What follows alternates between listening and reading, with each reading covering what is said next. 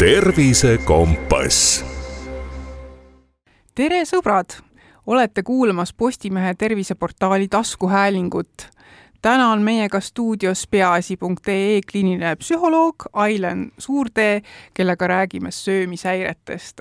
stuudios on veel mõtteid põrgatamas Liin-Marleen ja Marilyn rääkides nüüd söömishäiretest, siis äh, ilmselt äh, paljudel inimestel on küsimus, et mis asi on söömishäire? Söömishäire on siis üks äh, psüühikahäirete kategooriaid. Äh,, see tähendab siis vaimse tervisega seotud äh, toitumisprobleemid, ehk et see ei ole lihtsalt mingisugusest kehalisest haigusest tulenev isupuudus näiteks, vaid ikkagi seotud äh, meie emotsionaalse seisundiga.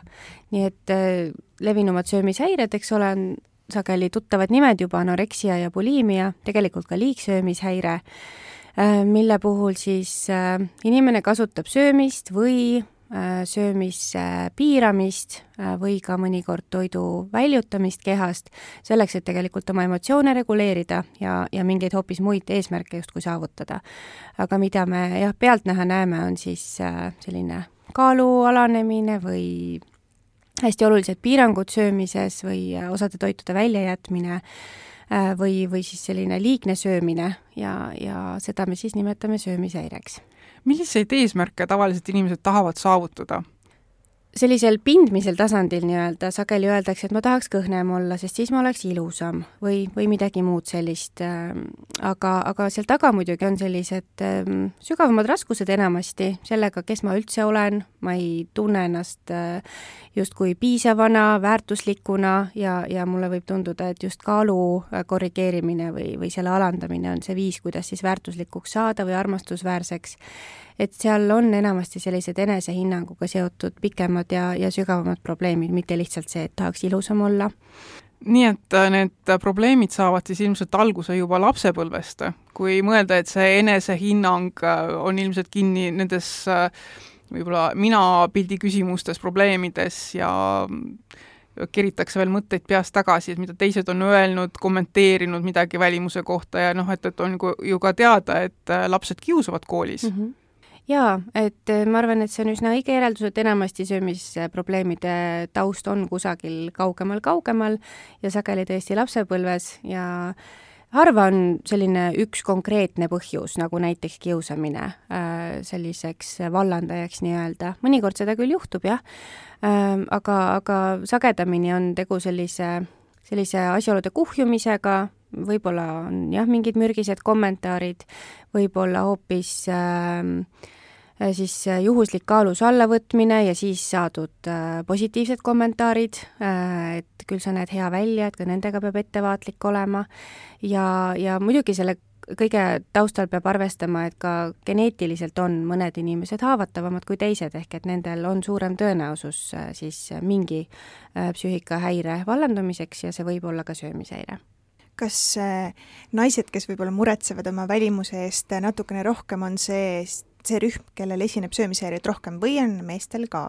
Mõlemal on, aga naistel on märgatavalt rohkem söömishäired tõesti et see muretsemine ilu pärast on äh, kindlasti üks hästi olulisi aspekte äh, ja see on suuresti kultuuriline, et äh, mida me arvame, et mis siis on ilus ja missugune üks õige naine justkui peaks olema.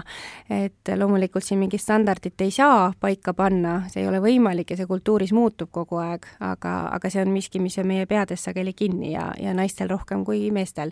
aga meestel siis on võib-olla pisut rohkem kui naistel seda, et ähm, mitte ei üritata nii palju kõhnemaks saada, kuivõrd mehe ilustandard võib olla hoopis mingi kindel sportlik kehakuju või mingisugune lihasmass ja selle nimel siis äh, tegelikult tervist kahjustavalt ähm, reguleeritakse oma toitumist söömishäire ei ole ju midagi sellist, mis, mis tekib üleöö, et see mm -hmm. ikkagi võtab äh, päris kaua aega, mis on see, see ajaline mõõde või vahemik mm? -hmm. no see on üldiselt äh, selline mõne kuu küsimus, et äh, sageli noored räägivad, et ma umbes pool aastat tagasi märkasin, äh, et ma mõtlen rohkem oma kehast ja sellest, mida ma söön ja kui palju ma söön ja ma hakkasin seda piirama ja siis ütleme, umbes pool aastat hiljem on ta juba sellises kehalises seisundis, et võib vajada haiglaravi. et üldiselt jah, mõne kuuga võib tekkida selline väga järsk kaalulangus, aga mõnikord on see ka pikem millised märgid üldiselt viitavad, et inimesel võib olla söömishäire? pealtnäha äh, võib äh, mõnikord siis söömishäiret äh, olla paista kaalu olulisest muutusest. Ähm, anoreksia puhul siis ongi üheks selliseks mõõt, mõõdikuks nii-öelda kehakaal või kehamassi indeks ja see on siis oluliselt alla selle, mis ta nagu tervislikes piirides peaks olema. Mm, et see on kõige silmanähtavam aga muidu ähm, võib siis söömishäirele omast käitumist olla paista, näiteks kui inimesega koos süüa, ta võib-olla hakkab vältima mingeid teatud toite, mingid toidugrupid jäävad välja. Ja, ja muidugi söömishäired iseloomustab see, et inimene mõtleb hästi-hästi palju toidust ja kaloritest. Ja osad inimesed siis ka mitte ainult ei mõtle, vaid ka räägivad sellest palju, nii et, et see võib olla ka miski, millele tähelepanu pöörata. nii et kui sõber räägib alatihti, kui äh, tervislikke salateid ta sööb, et siis tegelikult selle taga võib ka olla söömishäire? et midagi no, välistatud ei ole jah, et kui ta sööb ainult salateid, siis on kindlasti äh, ohumärke. Kuidas üldiselt selline Instagrami kultuur mõjutab inimeste minapilti pilti ja, ja seda pilti, mida nad äh, peeglist näevad.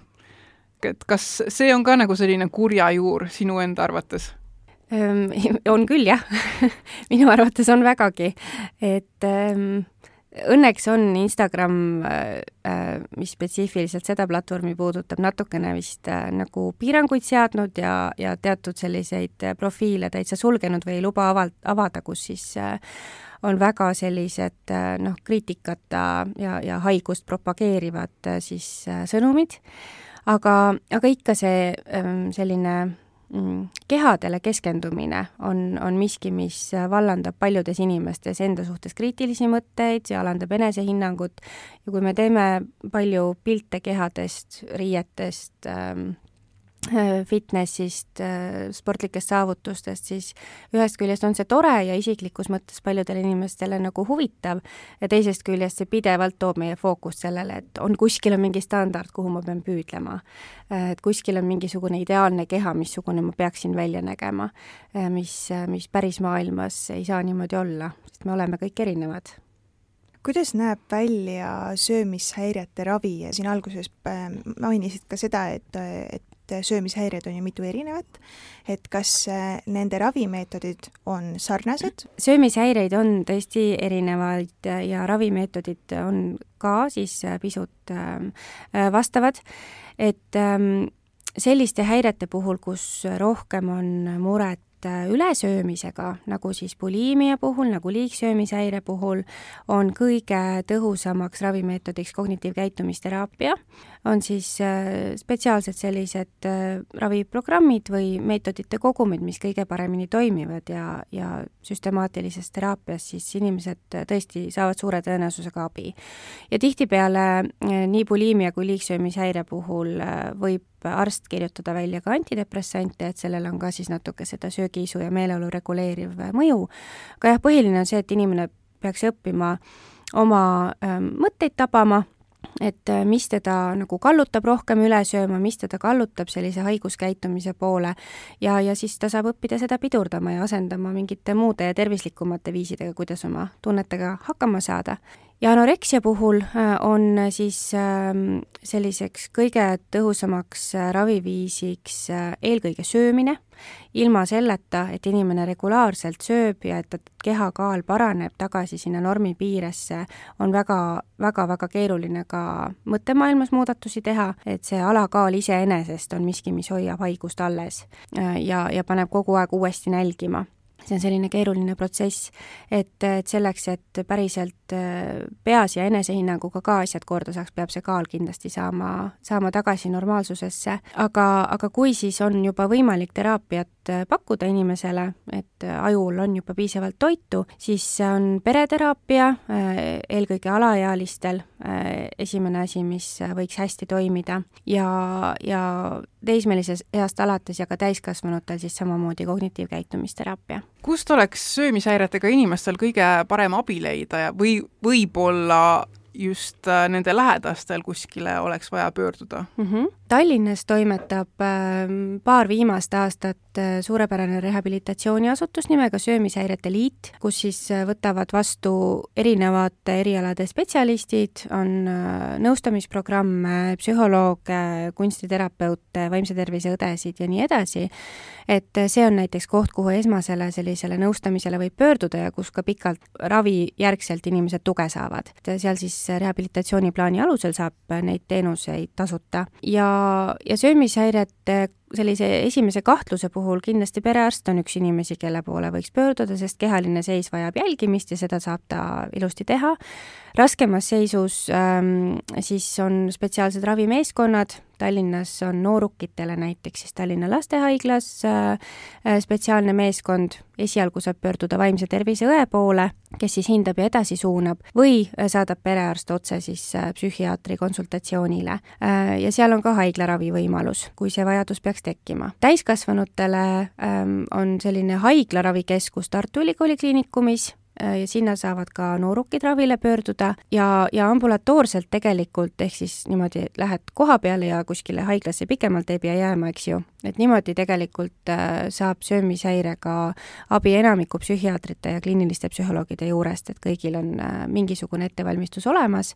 Ja kui ikkagi jäädakse koos hätta, siis, äh, siis tuleb sellisesse spetsiaalsesse ravikeskusesse pöörduda. kindlasti ilma abita ei jää millal võib öelda, et, et nüüd on inimene terveks saanud sellest häirest? Need piirid on pisut ähmased, üldjoontes võiks öelda, et paranemine on kui tekkinud siis, kui inimene juba tükk aega ütleme kuude kaupa, tuleb toime oma erinevate igapäevaelu teemadega, äh, suudab täita ühiskondlikult aktiivseid rolle, pereelus rolle, olla suhetes äh, ja, ja tunneb ennast ka meeleolu mõttes äh, rahuldavalt või hästi vahepeal täitsa ja ta söömine äh, mahub sellise norm, normaalsuse piiridesse, mis on kahtlemata ka hägune äh,, aga et ta igatahes siis tervist kahjustavalt äh, ennast äh, enam ei kohtle aga kuidas teised peaksid äh, suhtlema inimesega, kellel on söömishäire, et, et siin on ka kindlasti selliseid nüansse, mida võib-olla tavaliselt äh, inimesed tähele ei pane mm, -hmm.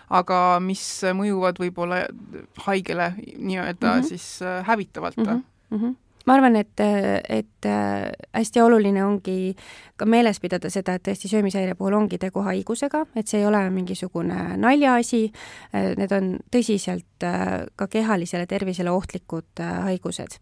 et neid peab võtma tõsiselt ja, ja selles mõttes oleneb nüüd, mis see suhtlemise eesmärk on, et kuidas me siis suhtleme, et kui meil ikkagi on mure kellegi pärast, meile tundub, et tal võib olla tervisele ohtlik seisund, äh, ta sööb liiga vähe ähm, või, või meile tundub, et ta oksendab toitu välja näiteks pidevalt et siis, siis sellest tuleb tõsiselt ja otse rääkida, mitte vältida või loota, et see kuidagi ise üle läheb. aga teisest küljest, kui me näiteks elame koos või oleme lähedased äh, mõne inimesega, kellel on söömishäire, siis on äh, sealjuures oluline sellist toetust pakkuda ja, ja mõista, et, et see ei ole mingi moeasi, see ei ole kiusu pärast tegemine või, või kuidagi tähelepanu võitmine, vaid see ongi reaalne haigus, millest on väga-väga keeruline välja tulla.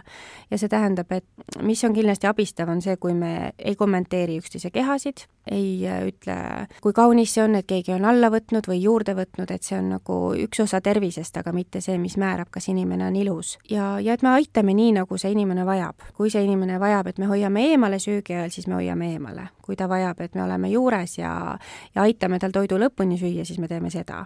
et see on hästi selline läbirääkimise küsimus ja, ja nagu äh, tundlikkuse küsimus. milliseid kommentaare kunagi ei tohiks öelda? et on sul mingisugust äh, sellist nõuannet ka, et mi-, mida jätta kindlasti ütlemata?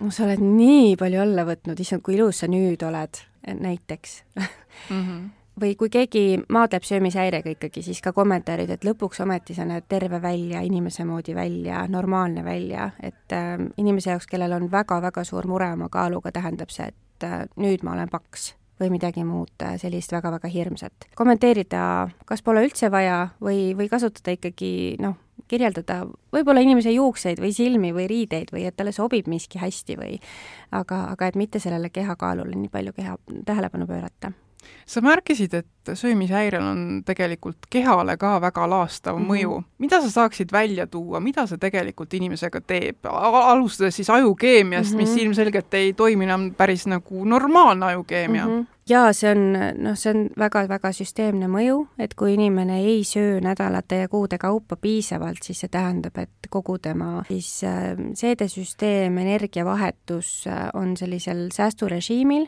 ja energiat, mida on vaja lihtsalt elus püsimiseks, et äh, süda lööks, et hingamine toimiks, et me suudaksime liikuda mingil määral, äh, selleks on pidevalt energiat vaja ja kui seda ei saada toidust, siis see tuleb meie enda kehast, mis tähendab, et meie lihased lagunevad, me muutumegi nõrgaks selle tõttu, Äh, meie luud hõrenevad, et anoreksia haigusega pikalt elanud inimestel on luud äärmiselt hõredad ja, ja vigastuste tekkimise oht on hästi kõrge. Ja, ja kuna aju koosneb ähm, suuresti rasvkoest, siis äh, ka aju lihtsalt äh, laguneb äh,, ajurakkusid kasutatakse energia saamiseks ja need mõjud mõnikord ei taastugi. Samamoodi südamelihas saab väga palju kahjustada, sest see on ka lihas ja laguneb hormonaalsüsteemid muidugi, et naisterahvastel, kes on pikalt äh, anoreksiat põdenud, äh, võib olla äh, raskusi, kui mitte võimatu hiljem lapsi saada, sest menstruatsioonitsükkel lihtsalt peatub, ovulatsiooni ei teki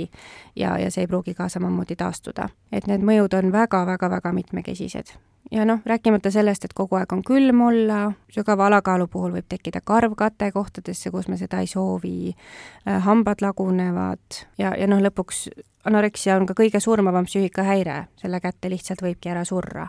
ja mis puudutab buliimiat, mille korral siis inimesed äh, enamjaolt äh, oksendavad toidu välja pärast sööki, et äh, sellel on hästi ohtlik mõju ja hästi kõrge risk siis südamele, et südame rütmihäired võivad tekkida kuni siis infarktini välja. rääkimata ka siis võimalikest rebenditest, maos, söögitorus, pidevast oksendamisest, siis vähirisk võib kasvada suupiirkonnas, kõripiirkonnas, hammaste kahjustused sa oma töös kindlasti puutud palju nende inimestega kokku, kui võtta üldiselt, siis mis see sinu arvamus on, et kui levinud meil on söömishäired Eestis? kas see on suur probleem? on ikka suur probleem, sest et äh, söömishäired on hästi pika vinnaga haigused, et isegi kui see protsent ei ole väga kõrge, söömishäireid esineb umbes kolmel protsendil inimestest keskmiselt, anoreksiat vähem, buliimiat natuke rohkem. haigus on nõnda pikk, et see võtab ära terve noore inimese noorukea. keskmine haiguse pikkus on seitse aastat anoreksia puhul näiteks, nii et kui ta haigestub seal kaheteist-kolmeteistaastaselt, siis äh, noh, ta justkui ei saagi suureks, et see, see hõlmab kogu tema kooliea, suhete loomise ea, väljakolimise ea ja, ja takistab tema, tema arengut meeletult palju ja see on nagu kuidagi see, see peamine, miks mulle tundub, et on väga suur probleem. seda kindlasti on liiga palju, haiglakohad on ikka täis kogu aeg. millised mõjud võivad siis äh, täiskasvanu ikka kesta? sa märkisid äh, selliseid bioloogilisi mõjusid, aga võib-olla sellised psühhosotsiaalsed mõjud sinna juurde, et, et mhm. inimene ei ole justkui veel täiskasvanuks saanud oma mõttelaadilt ja nii edasi no kõige suurem äh, mõju tõenäoliselt on äh, sellises äh, suhete plaanis, et kui inimene on iseendaga ja enda enesehinnanguga väga-väga hädas, siis, siis on tal ka raske pöörata piisavalt tähelepanu või üldse mõelda sellele, et ta vajab enda ümber ka kvaliteetseid suhteid, nii et äh, nende loomine ja säilitamine võib jääda tagaplaanile näiteks, mis, mis kindlasti tuleb täiskasvanu ellu kaasa. et noorukitel on mõnikord anoreksia justkui ainuke sõber, äh, kes neid kogu aeg toetab ja kiidab ja, ja hoiab ja, ja kui see ära võtta justkui, siis ei olegi kedagi alles ja inimene võib ennast väga-väga üksikuna tunda. ja noh, kindlasti on laiemaid mõjusid ka tööelus ja õpingutes, et äh, see alatoitumus ka segab ju õppimist, õppimist, sageli jäävad äh, klassid pooleli, siis lihtsalt ei suuda õppida ja keskenduda, kui ei ole energiat. ja, ja sellised eluunistused võivad paljud jääda täitmata, sest et, et raskes kehalises seisundis sa mõndasid asju ei tohi teha, lihtsalt nii on. millise lootustandva sõnumi sa edastaksid äh, nendele inimestele või võib-olla nende lähedastele, et, et kes on söömishäiretega kimpus? Ehm, lootustandev on kindlasti see, et vähemalt äh, pooled äh, siis äh, haigestunutest paranevad väga-väga kenasti ja saavutavad täiesti hea toimetulekuvõime, et enam sümptomeid ei ole ja alles jäänutest veel pooled suudavad elada ikkagi nõnda siis ravi toel ja söömise toel, et nende elu on enam-vähem. võib-olla mingil määral sümptomid püsivad või vahepeal on vaja korraks-paariks nädalaks uuesti haiglasse minna, aga et üldjoontes õnnestub Äh, käia tööl või koolis ja hoida suhteid ja, ja tervis on enam-vähem. kindlasti on söömishäiretes paranemine võimalik, mis siis, et ta on väga-väga pikk haigus sageli ja, ja